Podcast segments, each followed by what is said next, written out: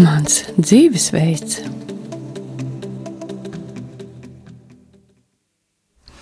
Sveicināti, rādījumā arī klausītāji. Mūsu raidījumā Mans dzīvesveids. Šodien turpināsim jau iepriekšējā reizē aizsākto sarunu par līdzatkarību. Kā mēs jau noskaidrojām, līdz, līdzatkarība mūsu vidē ir diezgan plaši izplatīta parādība Diemžēl tā mums nepalīdz dzīvot. Īsi sakot, līdzatkarība tā ir pārāk liela, tāda neveselīga koncentrēšanās uz citiem, kuras rezultātā mēs nereti pazaudējam paši sevi. Ar līdzatkarību mēs nepiedzimstam, tā attīstās dzīves laikā, dažādu iemeslu dēļ. Bet, kā skaidro psihologi, labā ziņa ir tā, ka, ja mēs esam atpazinuši līdzatkarību sevi, savās attiecībās, mēs varam kaut ko darīt lietas labā, lai situāciju mainītu. Viens no tādiem rīkiem, ar ko var darboties šajā nolūkā, ir tā sauktā kognitīvi behaviorālā psihoterapija, taču tikpat labi cilvēki arī paši var darīt kaut ko savās mājās ar sevi, nejot pie psihoterapeita, Eh, bet me, nu, pielietojot šos principus, ar kuriem darbojas minētā terapija. Tātad par šo, mūsu, eh, par šo tematu šodien runājam ar mūsu viesi, klinisko psiholoģi, kognitīvi behaviorālās psihoterapijas pārstāvi, psihoterapeiti Mariju Ābeltiņu. Sveicināti mūsu studijā! Jā, labdien! Ar jums kopā būšu arī es, raidījuma vadītāja Daiga Lakotko. Kādas ir tavas izvēles ikdienā?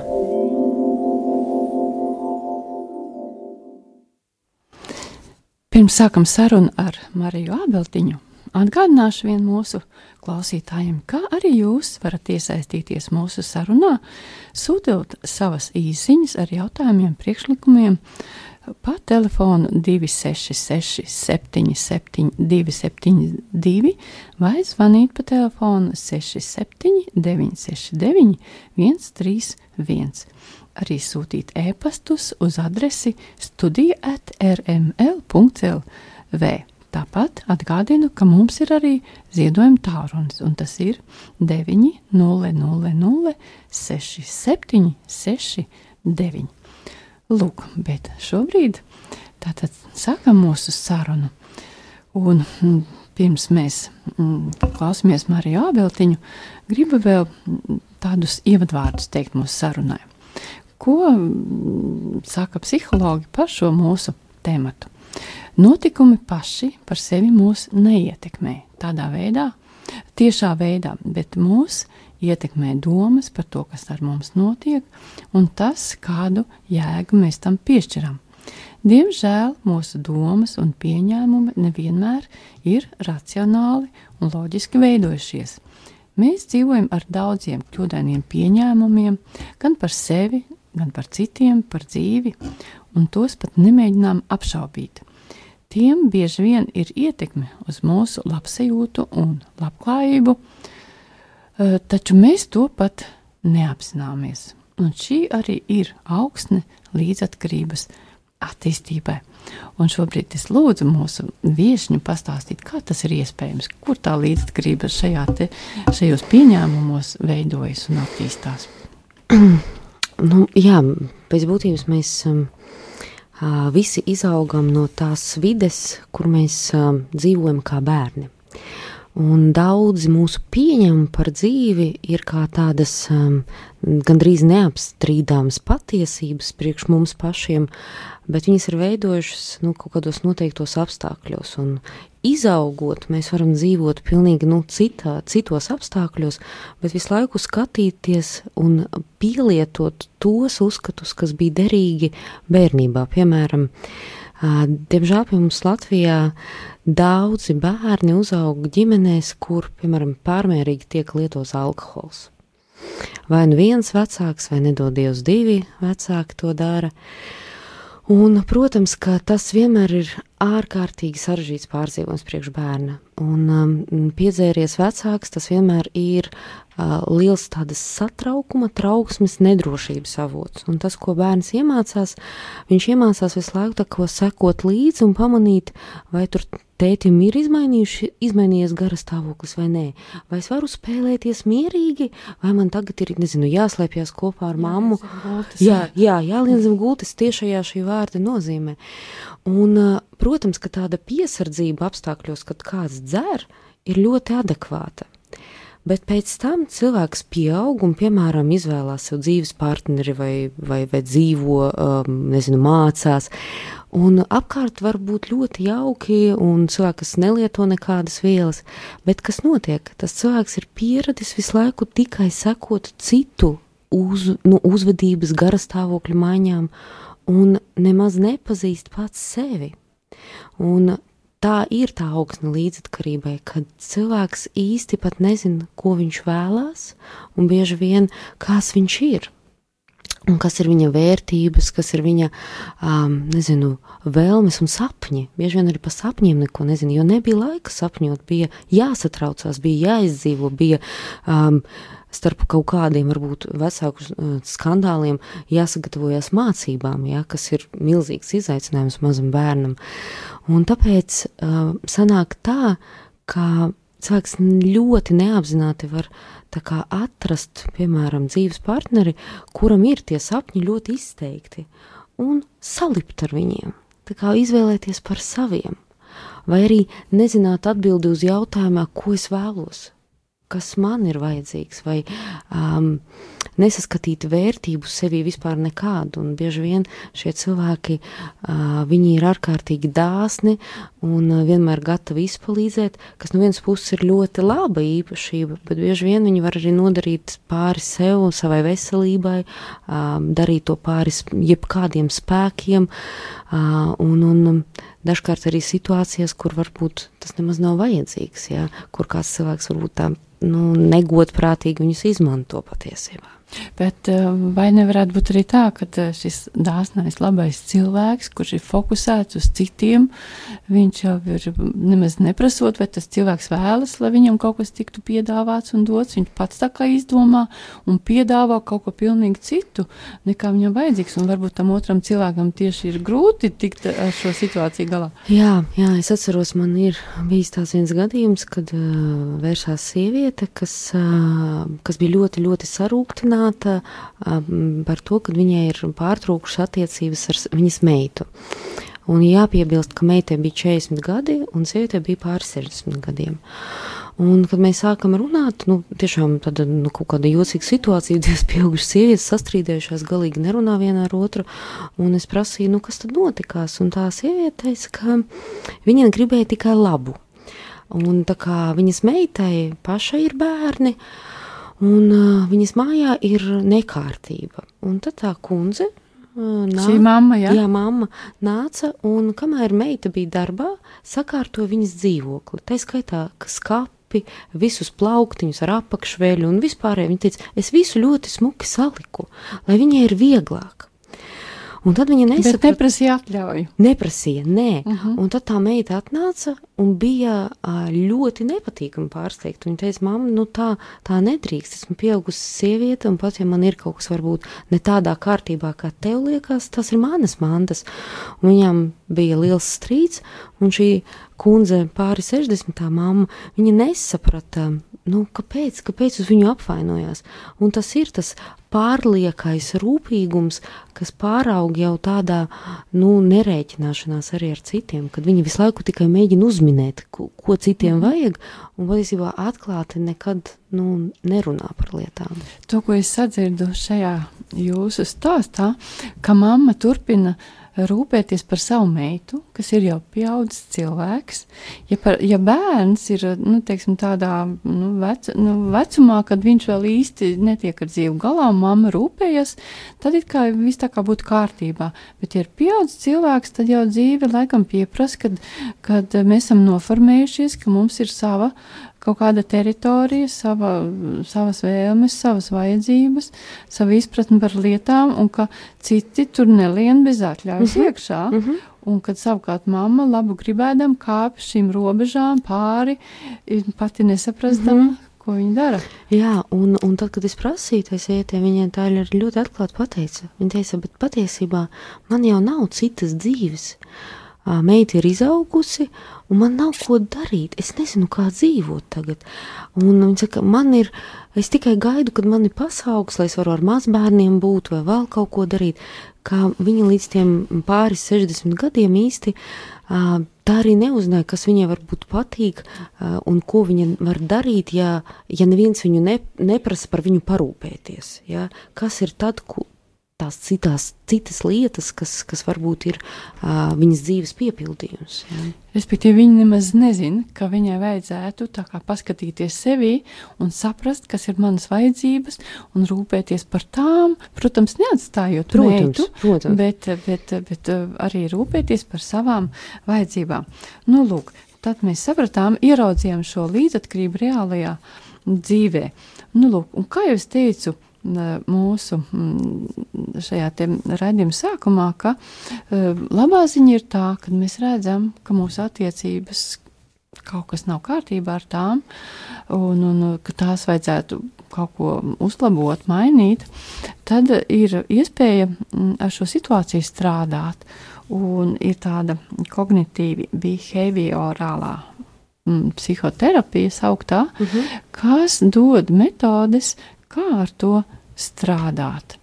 Un tad man būtu lūgums, varbūt varat tā pavisam vienkārši mm -hmm. pateikt, kas tā pa terapija un ko viņi piedāvā. Jā, varbūt tāds mm, sarežģīts nosaukums, jā. jā, un tādi svešvārdi vienkārši nav atrasts tāds ļoti labs latviskojums, un aizvien speciālisti tā kā tur debatē, kā tas būtu.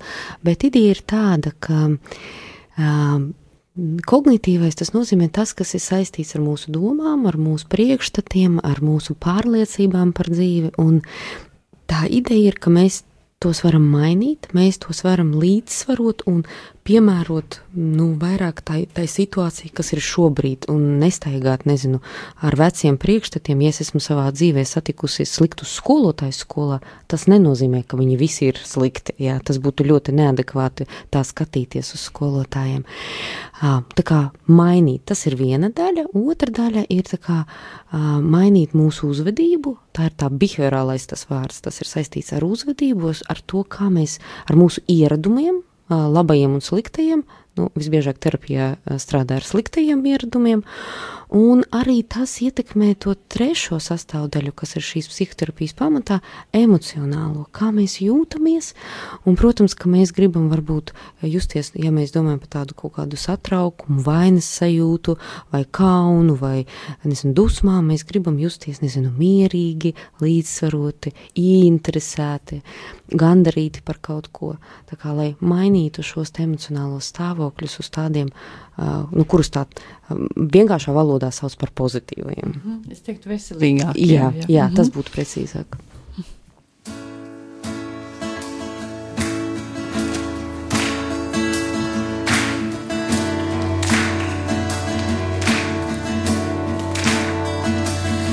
Ja eju es cauri ēnu un nāves ielai, tava mīlestība bailēm liek bēgt.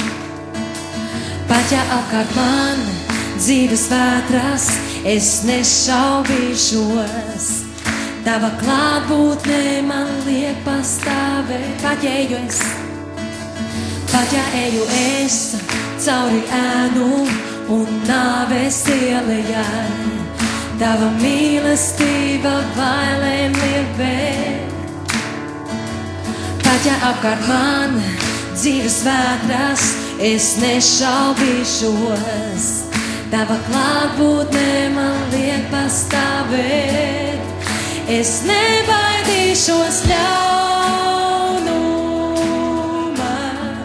jo mans Dievs ir ar mani.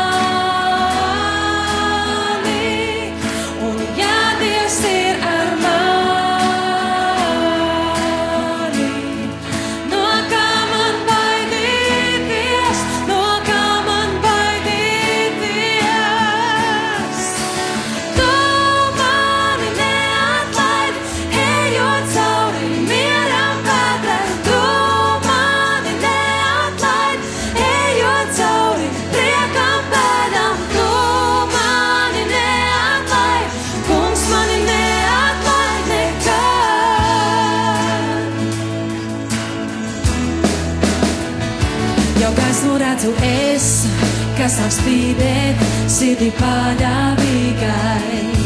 Šai gaismai nav nekā līdzīgā.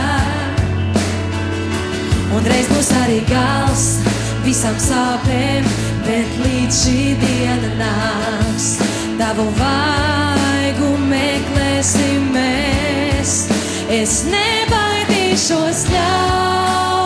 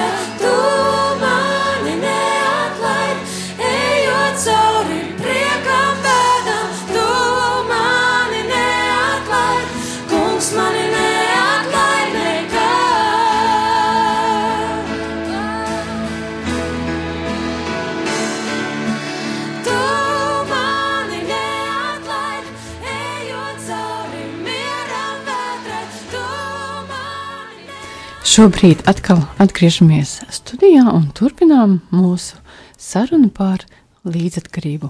Atgādināšu mūsu klausītājiem, ka mūsu šodienas viesņa ir kliniskā psiholoģija, kognitīva behaviorālā eh, psihoterapeite Marija Ābeltiņa, un mēs runājam par to, ko darīt tad, kad mēs esam atpazinuši, ka kaut kas nav kārtībā mūsu attiecībās, un kad pie vainas ir līdzatkarība.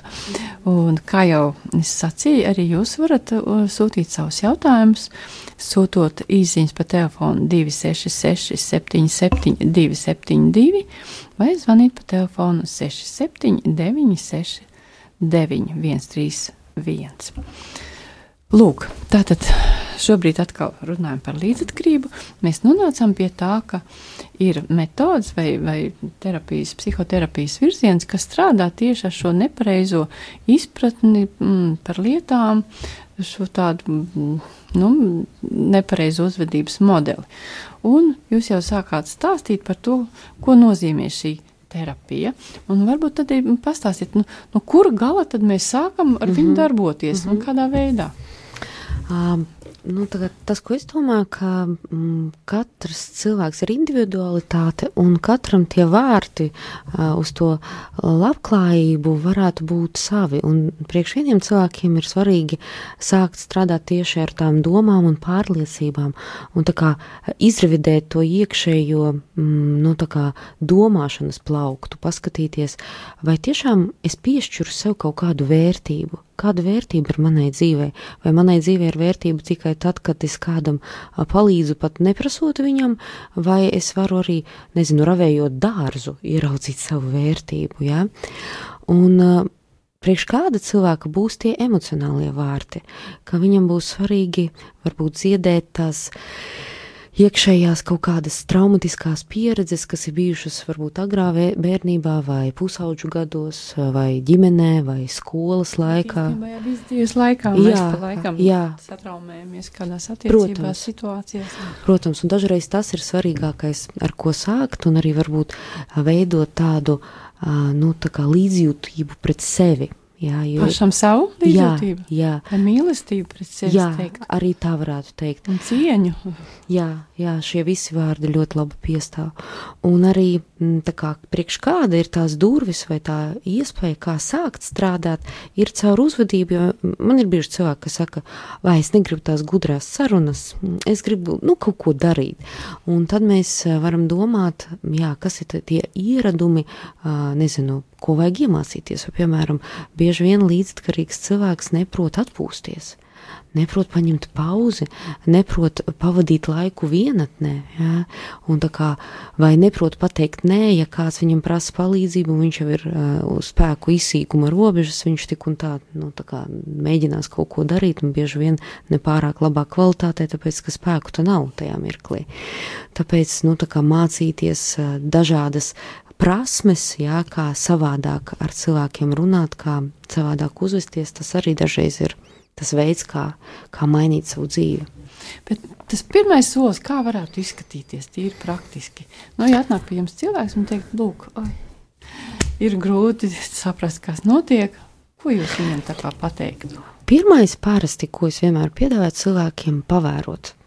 Jo tas ir ļoti svarīgi iemācīties redzēt savu dzīvi un saprast, kas pie kā noved. Un es atceros, kad uh, savu laiku es tik, tikko sāku strādāt, uh, tas bija jau sen, um, parādījās grāmata sievietes, kas mīl par daudz. Un tā, tā bija vispār ļoti laba grāmata, tādā vienkāršā valodā uzrakstīts, man liekas, par līdzatkarību ļoti tā precīzi, ja, kāpēc um, bieži vien sievietes iekrūt, jo sievietes biežāk nekā vīrieši iekļūst tajā slazdā. Tas nenozīmē, ka vīrieši arī nevar būt līdzatkarīgi var, bet, nu, tā kā biežāk ir sievietes, tāpēc viņām veltīta grāmata. Un dažkārt mēs vienkārši sieviete izlasa to grāmatu, mēs pārunājam, kā viņa redz, vai tas, kas tur aprakstīts, uz viņu attiecās, vai varbūt viņa saskata kaut kādu tikai daļu no tā visa par sevi, un tas sāk veidot jau to savādāku skatījumu uz dzīvi, uz sevi, no kura var sākties pārmaiņas. Jā, jo, ja man nav cita skatījuma, tad, tad es vienkārši automātiski tur kaut kā dzīvoju pa to dzīvi un tikai nesaprotu, kāpēc kāpēc jūtos nelaimīga vai nelaimīgs. Bet, ja nav tāda grāmata, ko no, tad darām? Ko tad darām? Tad, uh, tad ir dažādas iespējas. Ja, ja tieši pie manis nāk, tad es arī dažreiz cilvēkam tā arī prasu, vai ir kaut kāda, nezinu, tā pati traumatiskā pieredze, kura traucē dzīvot, kura sāp, tad mēs varam domāt, ko ar to darīt, kā viņus atdziedēt, kā varbūt atlaist tās sāpes, izraudāt tās sāpes, un tas var būt palīdzoši. Varbūt tieši šo vairāk varam paskatīties, kā tas notiek tam darbs ar pagātnes traumām. Um, tas jau ir tāds, es teiktu, um, šīs te kognitīva behaviorālās terapijas tāds um, jaunais, um, tā varētu teikt, um, teiksim, at, attīstības vilnis, vai kā to varētu teikt, kad um, no sākuma tas darbs bija tikai ar domām un tikai ar uzvedību. Bet tad, laikam ejot, psihoterapeits saprata, ka, nu, ka mēs dažkārt nevaram nu, pārlikt pāri pagātnē, cik ļoti negribētos. Jā. Tā sāpīgā pieredze Jā. mūsos ir un vēl kāds Jā. līdzi, ja mēs ar viņu kaut ko nedaram. Jā, jā, jā.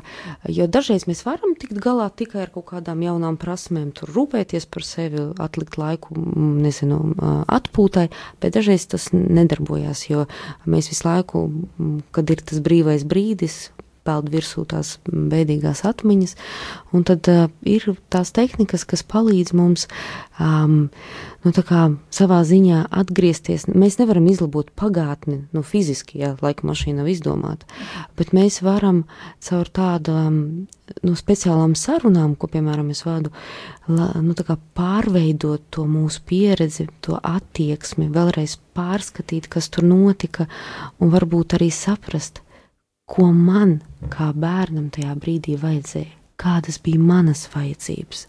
Jo kas notiek pie traumatiskām un briesmīgām pieredzēm, neviens tajā brīdī nedomā par tā bērna vajadzībām. Neviens vispār neaizdomājas, ka tur ir tas mazais cilvēciņš, kuram vajag, es nezinu, drošību, varbūt tajā mirklī mīlestību vai kaut kādu atzinību. Ja? Jo dažreiz bērnus traumē ne tikai ar to, ka viņus, nezinu, sīt, bet arī ar tādu ļoti augstu uh, ignorēšanu. Jā, Attieksme ar attieksmi. Jā, Nav mīlestības. jā, ka es tā kā nerunāju ar bērnu, vai vispār viņu ignorēju, viņi tur nav. it Kā, ej un dari tur savas mantas, spēlējies, un es vispār neredzu to bērnu. Ka tas var būt arī ārkārtīgi sāpīgi. Un tad, tad, kad mēs varam ieraudzīt to savu iekšējo mazo bērnu, un ir arī tāda iztēles vingrinājuma, ka mēs varam viņu arī samīļot. Un dažreiz liekas, varbūt tas ir tā bērnišķīgi, tādas ko tad mēs tur iztēlojamies fantāziju līmenī, vai tas palīdz, bet tas palīdz. Jā, tas palīdz, un tīpaši, ja mēs to no, tā kā darām ar tādu tiešām, kā jūs teicāt, cieņu un līdzjūtību pret sevi, mēs varam ieraudzīt, kas, kas ir tas, kas bija aizmirsts, neieraudzīts varbūt tad bērnībā, un kas velkās tagad visu dzīvi. Respektīvi, mēs tā kā atgriežamies tajā pagātnes pieredzē, tajā situācijā, mēs runājam par to, un tad, tagad jau pieaugušais cilvēks saprot, kas bija tas, kas man ievainoja, kad es vēl biju bērns, un tad tas var tapt dziedināts. Jā, jā. Un, bet um, tiksim, tā, tāda veida pieredze, nu, es gribu teikt, kristiešu vidē, to dara tādā veidā, ka, nu, lūdzu, lai Dievs dziedina, Un uh, ir arī rekolekcija speciāli tādi pasākumi, kurā cilvēki iet tieši ar to nolūku saņemt šo iekšējo dziedināšanu. Bet acīm redzot, arī tādas sarunas, kur mēs atgriežamies, kur mēs, nu jā, ir tās sāpes, bet tad mēs tās sāpes varam atlaist. Jā. Jā, un tie, protams, ka tie ceļi cilvēcei ir dažādi izdomāti, kā mēs varam ar, ar tām sāpīgām lietām tikt galā. Jā, šis ir arī vēl viens veids, tās tādas terapeitiskās sarunas, caur kurām, nu, tā kā tas, ko es esmu mācījusies visu savu dzīvi, ir tieši nu, 98. gada, tagad jau diezgan ilgs laiks ir pagājis, kā runāt, lai tas ir cietinoši priekš cilvēka, kā uzdot jautājumus īstajā laikā un īstajā brīdī, un nevis uh, uzspiest varbūt savu viedokli, kā ir jādzīvo, tagad dzīvoju tā kā es nē, bet lai cilvēks atrod tās atbildes, lai sagatavotu tādu augsni, lai katrs atklāja um, kas viņam ir vissvarīgākais, un uh, varbūt piedzīvo to mirkli, kad mēs varam runāt par sāpīgām lietām bez nosodījuma, bez vainošanas, uh, bez kaut kādas kritizēšanas. Tas dažkārt arī pats par sevi ir ļoti dziedinoši. Mm -hmm. Un uh, vēlreiz par to dziedināšanu, kāda tad, kad ir notiek šī saruna, tad cilvēks atpazīst, kas man toreiz pietrūka, un viņš var mēģināt tā kā, nu, nezinu, kristīgie cilvēki lūdz, Dievs mm -hmm. dod man to, kas man toreiz pietrūka, ja? nu, ienes savā dzīvē to. Ko var darīt cilvēki, kuriem nav Dieva? Kā viņi strādā šo situāciju, kad tās vajadzības, kas man nebija piepildīts, kā es tagad turpmāk varu uh, Nu, vai varu, vai, vai nevaru saņemt? Uh, ir diezgan jaudīgas tādas arī iztēles tehnikas, kur var uh, pēc noteiktiem tādiem tā kā algoritmiem un soļiem uh, iztēloties, kad, ka tomēr ir kāds aizstāvis manā dzīvē, kas, kas man iedod tās lietas un kā tad es jūtos. Un mēs varam sākt atpazīt tās pašas vajadzības šodienas dzīvē. Un tā kā mēs esam pieauguši, tad šodien gan mēs varam parūpēties. Jo kas notiek, ja no bērnības neviens nav rūpējies par tām vajadzībām? Es iespējams viņas vispār pat nepamanīšu, un es nezināšu, ka man ir vajadzība pēc tā, lai man, nu, nezinu, lai, lai, lai man būtu atzinība, lai cilvēki pamana un uzslavē mani. Mm. Ja? Es varu vispār par to nezināt, bet tad, kad es to saprotu, es saprotu, ka, ok, labi, ja neviens mani neslavē, bet man tas ir svarīgi, varbūt es pati sev to varu iedot. Nu, kāpēc lai to neiedotu? Kāpēc lai nepateiktu sev, ka tas ir labi, ka es nezinu, izdarīju šodien mājas darbus, vai tas ir ļoti labi, ka es darbā cītīgi nezinu, strādāju godprātīgi, ka tas ir tas ir labi. Un ja mēs to spējam paši sev iedot, nevis turēt sevi tādā emocionālā badā, tad tas ļoti palīdz. Un tas nemaz, tas varbūt izklausās tā viegli, nu jā, es sevi uzslavēju, vai es parūpējos par savu drošību, vai es parūpējos par savu, nu tādu kaut kādu labvēlīgu un labsirdīgu attieksmi pati pret sevi. Bet patiesībā tas ir tāds, nu, diezgan sarežģīts darbs to iemācīties darīt un iemācīties arī ar sevi iekšēji, piemēram, runāt tādā, la, nu, tādā labestīgā balsī. Nevis lamāt un visu laiku strostēt, jo tas, ko es pamanu, ka līdzatkarīgiem cilvēkiem bieži vien ir, ka viņi sevi ļoti vaino un ļoti lamā un saka, ka viņi nepietiekami tur kaut ko ir izdarījuši. Un pat ja viņiem ir darbu saraksts un viņi ir izdarījuši, nezinu, no 50 darbiem 45, viņi dienas beigās teiks, Nē, nu diena īsti nav izdevusies, jo pieci darbi taču nav padarīti. Ja? Jā. Tā kā iemācīties ieraudzīt, ka es 45 izdarīju, un tas ir ļoti labi. Tas ir tas, tas nu, darbs, ko mēs varam ļoti pakāpeniski izdarīt, lai mēs emocionāli sevi dziedētu. Es sadzirdu jūsu teiktie, ka īstenībā ir jāiemācās to fokusu mainīt. No tā, ka es teiksim, bērnībā iemācījos, ka man iztrostē vienmēr nekas nav labi. Un, ja es turpinu šo te dzīvot, tad arī visu laiku arī šie 45 labie darbi man nepalīdz, jo es ieraugu tos 5, kas nav izdarīti.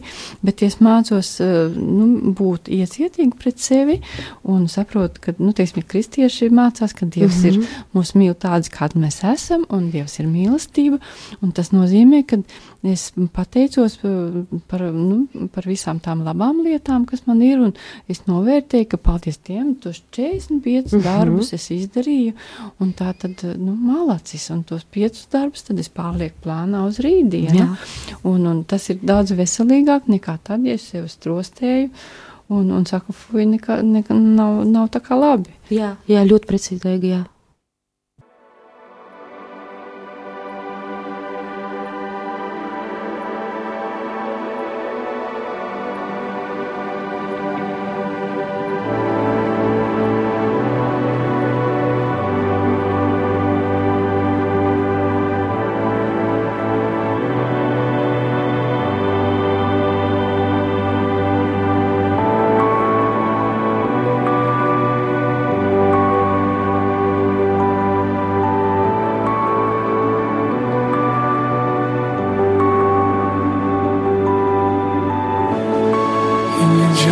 distance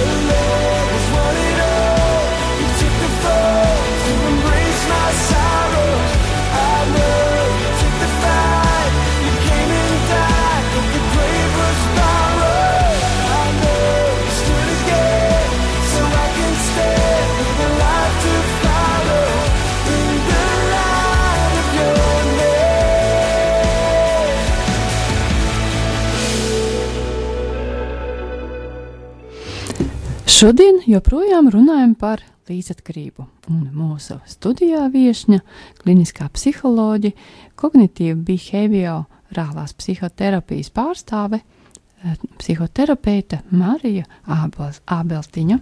Nu, lūk, mēs nonācām pie tā, ka kaut ko mēs varam darīt ar savu līdzatkarību.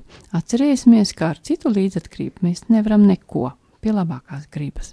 Bet mūsu tāds darbības mod, eh, tas objekts esam mēs paši, mūsu attiecības, mūsu dzīve.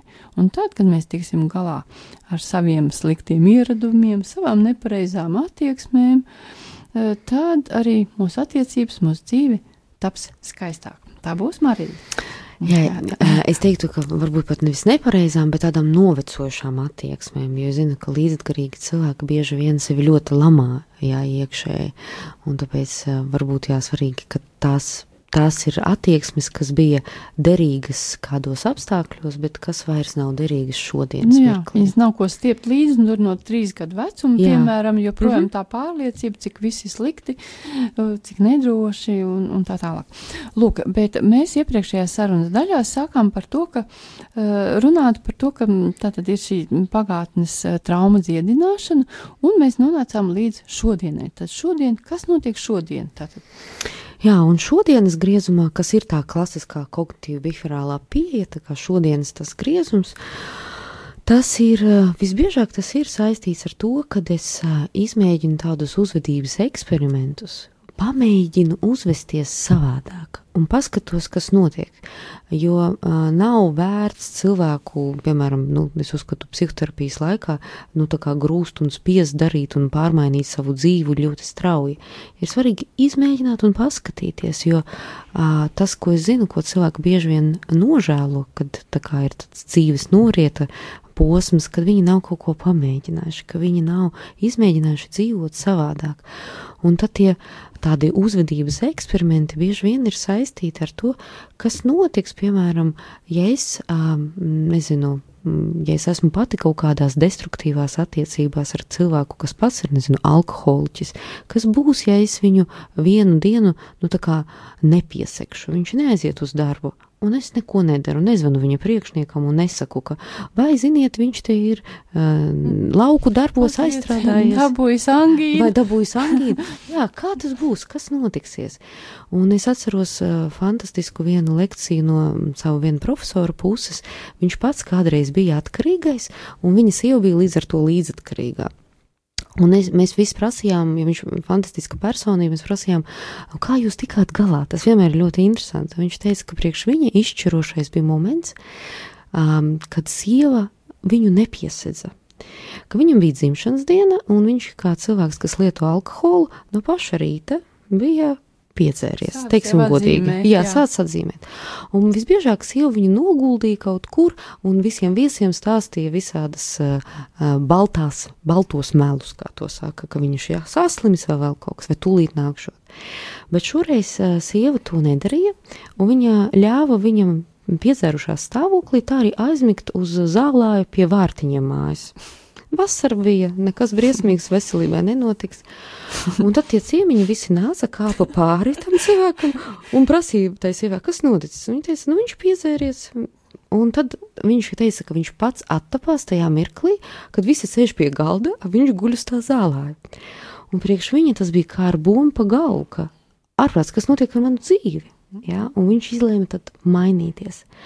Bet tas pagrieziena punkts patiesībā bija tajā sievas attieksmē, ka viņa nemēģināja palīdzēt tur, kur tā neaizpaktelēja, jā, jā, tā šķirbas cieta, ka viņa ļāva pašam uzņemties atbildību. Jā, jā, jā. Un tas bija tāds labs motīvs, lai viņš pats sāktu mhm. -huh. kaut ko darīt.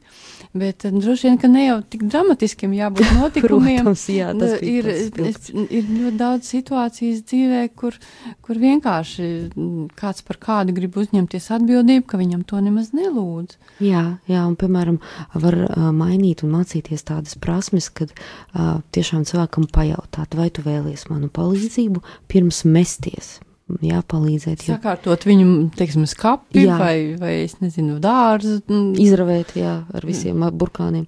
uh, un iestādīt tur bietas, jo liekas, ka bietas ir svarīgākas. Jo viņam liekas pareizāk, Jā, tā, ka tāda jā. attieksme uz lietām. Mhm. ka, ka, jā, ka iemācīties mm, nu, tā kā nedomāt tā otra cilvēka vietā, ka jautāt viņam un attiekties pret viņu kā arī pret cilvēku, kas var izvēlēties varbūt atšķirīgu kaut kādu viedokli vai atšķirīgu um, virzienu un, un tā kā spēt to pieņemt. Jā. Respektīvi, ko es saredzu, kad šajā jūsu aprakstā, kas, kas ir jāmācās, ka līdz, man, piemēram, ja es esmu līdzatkarīgais cilvēks, tad saprast, ka otram cilvēkam viņš ir pieaudzis, viņam ir, nu, tā tad uh, sava izpratne par lietām, ka man ir jārespektē uh, viņa izvēle, -hmm. ka viņam tiesības pašam pieņemt savus lēmumus, un tas nav tikai tiesības, īstenībā tas ir arī pienākums pret viņu, ne, teiksim, man izdomāt viņu vietā, kā, kā, ko viņš ēdīs šodien brokastīs, un ko viņš vilks mugurā, bet, bet ļaut, ka viņš pats saprot, mm -hmm. vai man šodien vajag no rīta siltu pienu, vai varbūt tās es gribu kaut ko augstu jogurtu, jā. Vai augstu jogurtu, jā. Jā, jā, tā kā no vienas puses, ja, ja, ja mēs domājam tādu uzvedības līmenī darbu ar līdzatkarību, tas ir iemācīties rūpēties par savām vajadzībām un nejusties vainīgam vai vainīgai, un uh, iemācīties ļaut citiem izvēlēties kaut ko savādāku nekā es esmu izdomājusi, un iemācīties prasīt atļauju un arī pieņ, pieņemt atteikumu. Pašam teikt nē, un pieņemt atteikumu. Jā, tas, tas, Tas ir droši vien ir atteikums vispār viņam kā tādam cilvēkam, bet konkrētai lietai. Jā, Jā? Vai jūs varat bišķiņ vairāk varat paskaidrot, kā tas izskatās? Nu, jā, piemēram, gadījumā ar to sievieti, ko es jau pieminēju mm, raidījuma sākumā, ka viņas gadījumā tas labākais variants būtu, um, nu, arī ko mēs ar viņu pārunājam, ka viņa uzvana meitai un atvainojās un pasaka, ka piedod, kad um, es patiesībā ielauzos tavā dzīvoklī, neko tev neprasot, un ka es centīšos tā vairs nedarīt un, un jautāt tev, vai, vai tev ir vajadzīga palīdzība, jo es gribu ļoti tev palīdzēt. Mhm.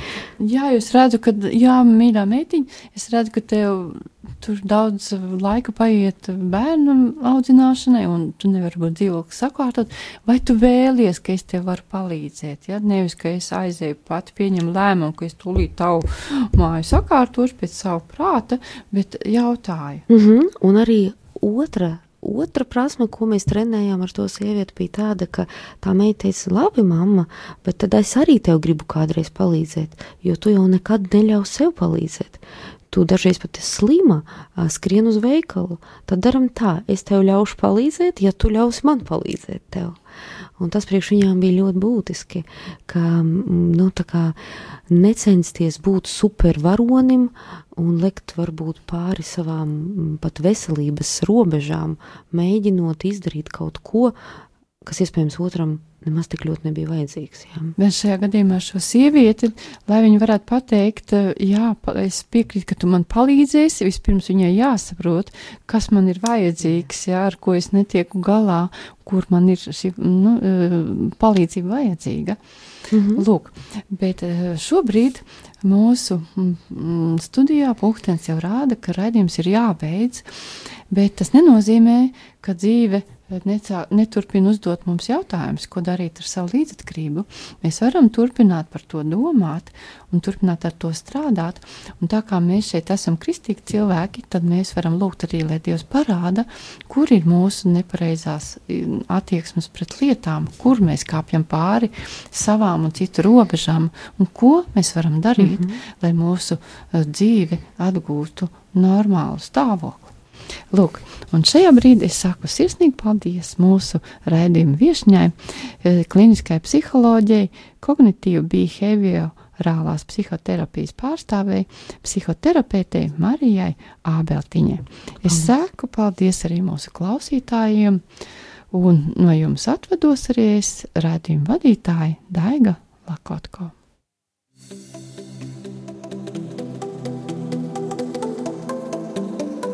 Mans dzīvesveids